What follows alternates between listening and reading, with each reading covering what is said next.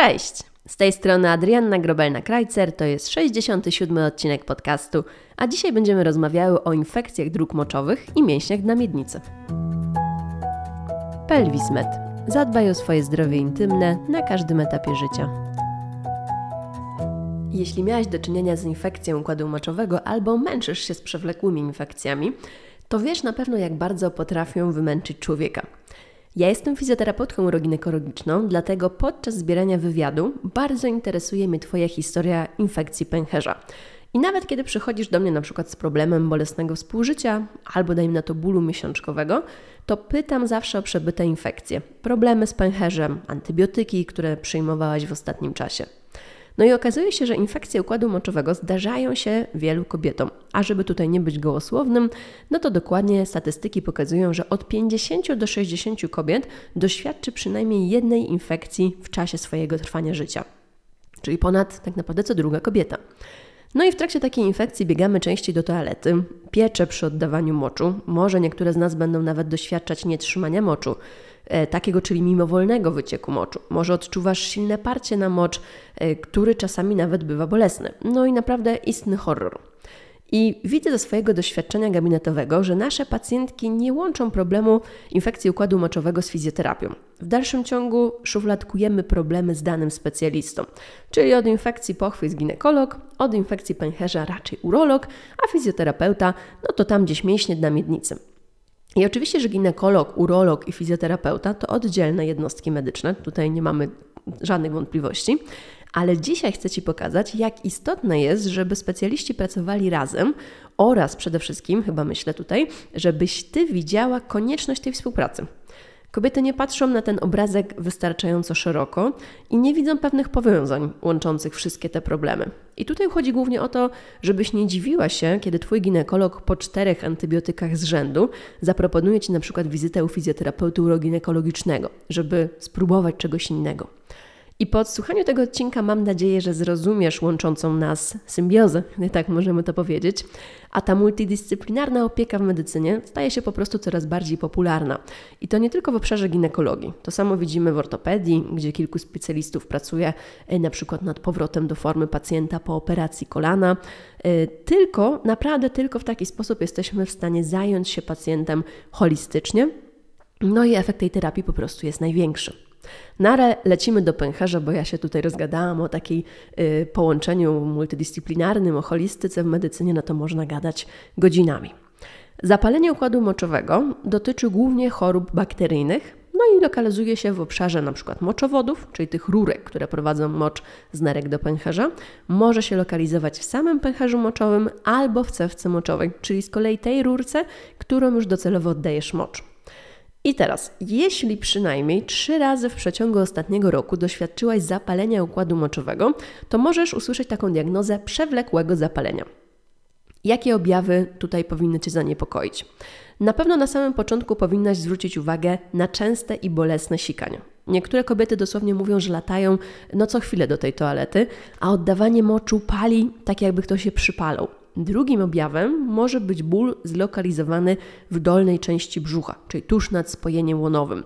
Jeżeli położysz sobie rękę w okolicy pępka i zjedziesz tą dłonią w dół, to pierwszą kość, którą napotykasz, to jest spojenie łonowe i ta okolica właśnie nad spojeniem, potocznie zwaną okolicą nadłonową. Niektóre kobiety mogą nawet zaobserwować krew w moczu.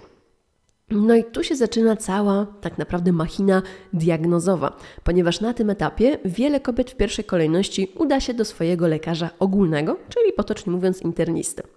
No i lekarz prawdopodobnie w pierwszej kolejności zleci Ci wykonanie badania ogólnego moczu, czyli będziesz musiała nasikać do czystego kubeczka, no mówiąc kolokwialnie. I takie badanie pokaże nam wstępnie, czy w moczu są bakterie, czy znajduje się tam na przykład krew, no i tym podobne. Czyli dostarczy nam podstawowych informacji. Jeśli się okazuje, że w moczu faktycznie są bakterie, to teraz będziesz musiała oddać mocz na tak zwany posiew. To już jest bardziej konkretne badanie, które pokaże nam, jakie dokładnie bakterie bytują w Twoim układzie moczowym. Dzięki temu lekarz będzie wiedział, jaki antybiotyk Ci zapisać. I teraz uwaga, żeby to badanie miało sens, a ta kasa, jeżeli za badanie zapłaciłaś, nie poszła w błoto, no to mocz na posiew musi być pobrany w sterylnych warunkach. I teraz wyjaśnimy to, co to oznacza w sterylnych warunkach. Na początek myjesz ręce mydłem. Następnie podmywasz się szczególnie właśnie w okolicy cewki moczowej, pamiętając o tym prawidłowym kierunku, czyli od przodu do tyłu, tak? Nigdy nie odwrotnie. I jeśli musisz e, się podeprzeć, podetrzeć, przepraszam, no to używasz jednorazowego ręcznika, czyli jednorazowego, a nie jakiegoś bawełnianego, nie? Oddajesz odrobinkę moczu do toalety, czyli ten pierwszy taki strumień moczu idzie do toalety, a potem już bezpośrednio do tej sterylnej probówki, o której mówiliśmy. No i resztę moczu już wysikasz sobie spokojnie do toalety. I tutaj kluczem do sukcesu jest nie przenieść bakterii właśnie z własnych rąk, czy chociażby tego używanego wcześniej, nie wiem, przez trzy dni ręcznika bawełnianego, który wisiał na kaloryferze, no bo w takim wypadku te wyniki mogą wyjść zakłamane. I w aptece to jest też istotne, jeżeli pani cię zapyta, jaki chcesz y, kubeczek do, mm, do zbiórki moczu, no to tutaj trzeba powiedzieć, że musi to być pojemniczek sterylny na posiew. I na tym etapie uczyłam moje pacjentki, żeby naprawdę nie godziły się na zapisywanie antybiotyków bez uprzedniego posiewu, ponieważ w dalszej części podcastu zrozumiesz, że podobne objawy może dać m.in. na przykład podniesione napięcie mięśni na miednicy, którego, jak się domyślasz, oczywiście nie wyleczymy antybiotykami. I, zawsze mówię, żeby nie dać w siebie strzelać tymi antybiotykami w ciemno na prawo i lewo, no bo one też nie pozostają bez śladu w naszym ciele. No i dobra, mamy to. Może przejdziemy teraz sobie do wątku podatności na te infekcje intymne, no bo tak też się często zdarza. I czy istnieje w ogóle coś takiego? Bo do nas przychodzą e, do naszego gabinetu bardzo często kobiety, które mówią wprost, że one są podatne na infekcje. I z czego to wynika? Na pewno na wstępie musimy wymienić kobiety, które chorują na cukrzycę. Dalej większą podatność mogą mieć osoby z ogólnie osłabioną odpornością.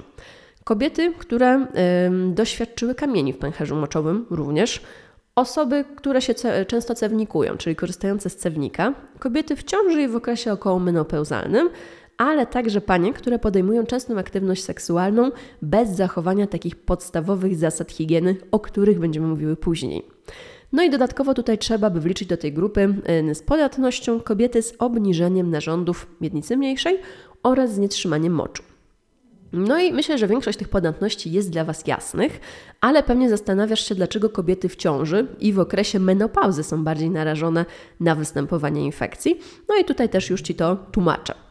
W obydwu przypadkach mamy do czynienia z niskim stężeniem estrogenu w tkankach okołopochwowych.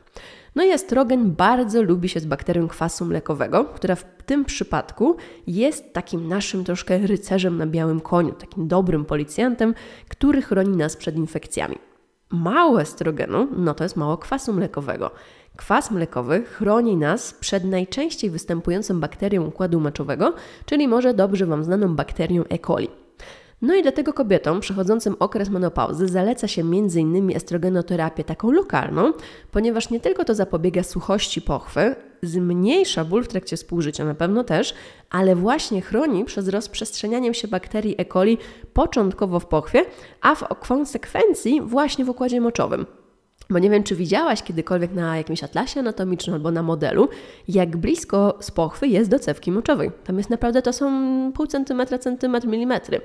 I mam nadzieję, że teraz jest to jasne, że ta cała sieć powiązań gdzieś tam zaczyna stwarzać sens. No i teraz ja Wam podam przykład pacjentki, która przychodzi do mojego gabinetu, no i zgłasza właśnie, właśnie nawracające infekcje. Ból w trakcie sikania, pieczenie, non-stop, notorycznie krew w moczu.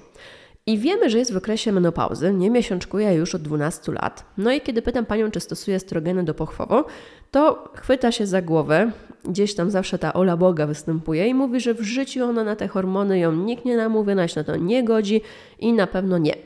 I oczywiście to nie jest moje zadanie jako fizjoterapeuty, zapisywać leki albo w ogóle te leki zlecać, ale chodzi mi głównie o to, żebyś wiedziała to powiązanie, zastanowiła się nad nim i ponownie to dzisiaj powtórzę, spojrzała na problem szerzej.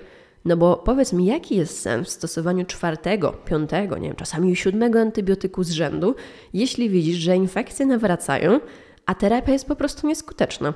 Dlaczego boimy się tych hormonów? Nie, może warto przegadać to z ginekologiem, rozwiać te wątpliwości. To jest ciekawy temat i jeśli wiesz, że z takim problemem na przykład męczy się Twoja mama albo może babcia, yy, które nie mają już regularnych miesiączek, to podsuń im ten podcast. Niech gdzieś to zaświeci im taką lampkę niepewności i może będą chciały w tym kierunku też ruszyć. No i teraz zobacz, jak pięknie połączył nam się lekarz internista albo urolog tutaj, który zlecił badania moczu i ginekolog, który ocenił stan śluzówki pochwy, jej kolor, sprężystość i zadecydował, czy pacjentka potrzebuje dodatkowego wsparcia ze strony hormonów. A jeśli okazuje się, że ma do, wszystkiego, do tego wszystkiego jeszcze nietrzymanie moczu albo obniżenie narządu, to tu wchodzimy my, czyli właśnie fizjoterapii, fizjoterapeuci uroginekologiczni. I pięknie nam się zarysowuje cała współpraca, która jest nam bardzo, bardzo potrzebna. No ale teraz uwaga, zabije Ci ćwieka, Wam ćwieka. Co w sytuacji, kiedy kobieta ma objawy infekcji układu meczowego, czyli pieczy, szczypie, boli itd., tak ale wraca jej badanie moczu i nie pokazuje żadnego śladu infekcji, czyli w badaniach nie ma bakterii. No i teraz w pierwszej kolejności lekarz będzie chciał się upewnić, czy ta próbka, którą oddałaś na badanie, faktycznie pochodzi z tego, tak jak mówiłyśmy, środkowego strumienia moczu. To jest ważne, ponieważ wiele osób, naprawdę uwierzcie mi, nie wie, jak pobrać e, ten mocz na posiew prawidłowo. I jeśli tu jesteś bez zarzutów, no to musimy dalej pomyśleć, co jeszcze może dawać takie dolegliwości, bo są pewne stany, które mogą bardzo dobrze udawać infekcję, czyli maskować nam tą infekcję, nie? I na pierwszy plan weźmiemy sobie na pewno osłabioną pracę mięśni na miednicy. Jeśli mięśnie są niewydolne, pacjentka może doświadczać obniżenia pęcherza moczowego, które daje podobne objawy: parcie na mocz, częste sikanie, wrażenie niepełnego wysikania się. Po drugiej stronie wspomniane już dzisiaj nietrzymanie moczu. I to nie musi oznaczać infekcji. Może być problemem samoistnym, na przykład właśnie wysiłkowym nietrzymaniem moczu. Dalej musimy dowiedzieć się, czy pacjentka aktualnie nie mierzy się z obniżeniem cewki moczowej, która też daje podobne objawy. Dodatkowo kobieta może czuć problem z takim zapoczątkowaniem strumienia moczu na toalecie. Musi przeć, żeby te pierwsze kropelki gdzieś tam poleciały. No i znowu brzmi jak infekcja, co nie? Ale y, identyczne objawy odczuwają pacjentki, które w badaniu wykazują z kolei duże napięcie mięśni na miednicy, czyli za duże. No i kluczem do sukcesu jest dokładne badanie mięśni u fizjoterapeuty. Kolejne schorzenie, które doskonale udaje infekcję, to jest śródmiąższowe zapalenie pęcherza moczowego. I tutaj problem dotyczy ścian pęcherza moczowego. W badaniach nie wyjdzie żadna bakteria, czyli w moczu nie widzimy bakterii, a pacjentka ma ciągłe parcie na mocz, ból pęcherza, problem z sikaniem. I tutaj diagnostyka opiera się na cystoskopii, czyli już bardziej zaawansowanym badaniu, ale do czego zmierzam? W tym wypadku znowu antybiotyk nam nie pomoże. Czyli jeśli w prawidłowo zebranym badaniu moczu nie wykryto bakterii, to nie bierzesz antybiotyku, tylko walczysz o siebie dalej i nalegasz na drążenie tematu i poszerzoną diagnostykę, no bo musimy się dowiedzieć, co jest nie tak. Zauważyłaś już pewnie kilka dysfunkcji, nie? gdzie świetnie sprawdzi się współpraca z fizjoterapeutą. Znowu nietrzymanie moczu, obniżenie narządów, osłabiona praca mięśni na miednicy, zbyt duże napięcie mięśniowe. Dodatkowo, jeśli zdiagnozowano u Ciebie obniżenie pęcherza moczowego, to może zauważyłaś, że po sikaniu masz wrażenie zalegania moczu, czyli takiego niepełnego wysikania. No i tutaj też pojawia się problem, bo zaleganie moczu, szczególnie w znaczących ilościach, jest wręcz idealną sytuacją do utworzenia się infekcji pęcherza moczowego. Jeżeli coś miało być wysikane, a siedzi w pęcherzu, no to warunki są wręcz tutaj mówię idealne. I znowu pojawia się ta fizjoterapia, który uczy, który, albo która, jeżeli mamy kobietę albo mężczyzna, uczy między innymi jak wysikać się bez parcia, w jakiej pozycji, jak rozluźnić mięśnie, jak oddychać na toalecie. To są niesamowicie ważne rzeczy. A żeby jeszcze bardziej namieszać, coraz częściej okazuje się, że pacjentki przychodzą do nas z obawą, że ich mięśnie są za słabe. Może też to o tym już słyszałaś, albo może czasami myślisz tak, że to jest właśnie Twój problem. I po wykonaniu badania okazuje się, że wcale te mięśnie słabe nie są, a wręcz odwrotnie, one są nadaktywne. A jeśli coś pracuje przez cały dzień w napięciu, no to finalnie osłabnie i się zmęczy. I znowu ta nasza robota, żeby całą sytuację odkręcić, a nie jest to często wcale takie proste. No i obiecałam jeszcze wspomnieć, dlaczego kobiety aktywne seksualnie mogą być bardziej narażone na powstanie infekcji układu moczowego. A słuchajcie, dzieje się tak dlatego, że pochwa, tak jak mówiłyśmy, i ujście cewki moczowej leżą niesamowicie blisko siebie. I to w dużej mierze ułatwia bakterii E. coli kolonizację cewki moczowej. Dlatego najważniejsza rada po seksie, i zapamiętaj ją, jeśli chcesz działać profilaktycznie na infekcję, to idź siku bezpośrednio po współżyciu. Wypłucz po prostu z moczem to wszystko, co tam nie powinno się znajdować na dłużej. Czyli sikasz, ewentualnie potem się dopiero podmywasz. Na pewno nie musimy nic wypłukiwać, żadnych irygacji, żadnych nasiadówek wykonywać. Po prostu idź się wysikaj. No i na koniec zostawiłam takie pytanko, e, które w gabinecie przynajmniej wraca zawsze jak bumerang. Czy żurawina pomaga na infekcję pęcherza? Na pewno się zastanawiałaś nad tym, może sama zauważyłaś, że gdzieś tam sięgasz po nią, kiedy coś zaczyna cię piec. No i okazuje się, że sama żurawina albo sok żurawinowy to jednak trochę za mało, bo po prostu nie jesteśmy w stanie zjeść ich tyle, żeby osiągnąć tą potrzebną dawkę terapeutyczną. I tutaj by były potrzebne takie tabletki po prostu z ekstraktem z żurawiny i ich efekt jest faktycznie obiecujący, więc akurat tutaj warto. I najważniejsza informacja dla Ciebie na koniec. Nie bagatelizuj swoich objawów. Jeśli coś czujesz, to znaczy, że coś czujesz. To nie jest tak, że sobie to wymyśliłaś, bo w badaniu nie ma bakterii. Nie ma bakterii, no to na pewno sobie ten problem wymyśliłaś. Antybiotyk powinien być zlecany tylko w przypadku bakterii, a myślę, że sama już widzisz, ile dolegliwości niebakteryjnych może maskować objawy infekcji. I na żadną z nich nie pomoże antybiotyk. Diagnostyka jest jak zawsze podstawą dobrego, ale przede wszystkim skutecznego leczenia. Dobra. Dzisiaj trochę dłużej, myślę, niż zawsze, ale mam nadzieję, że to było wszystko ciekawe dla Was i gdzieś tam troszeczkę znowu poszerzyłyście swoją wiedzę. No i jeżeli jeszcze tu ze mną jesteś, czyli dotarłaś do samego końca, to znaczy, że ten odcinek był faktycznie dla Ciebie wartościowy. I mi będzie jak zawsze bardzo miło, jeśli poświęcisz chwileczkę i polubisz go, może zostawisz jakieś dobre słowa, może masz jakieś pytanie, zadaj je śmiało w komentarzu. A jeśli poczujesz taką chęć, żeby się tym odcinkiem podzielić, może ze swoimi koleżankami, to dziękuję za wszystkie udostępnienia, za wszystkie publikacje i wysyłanie w świat. Dla mnie to jest zawsze największa nagroda. No i jak zawsze zapraszam Was na koniec na mojego bloga Fizjoterapia na Szpilkach. Zachęcam Was również do odwiedzenia e, instagramowego profilu naszego gabinetu pelvis.com. Tam bardzo dużo filmików się znajduje. Takie codzienne relacje również z gabinetu udostępniamy. A jeżeli szukacie pomocy fizjoterapeuty uroginekologicznego z okolic Trójmiasta, to zachęcam Was bardzo serdecznie do odwiedzenia strony gabinetu pelvis.com. Tam znajdziecie namiary na wszystkie nasze fizjoterapeutki, również możliwość rejestracji online i jak zawsze wszystkie dziewczyny są bardzo chętne do pomocy, tak więc nie czekaj. Na tym kończymy i do usłyszenia w kolejnym odcinku podcastu.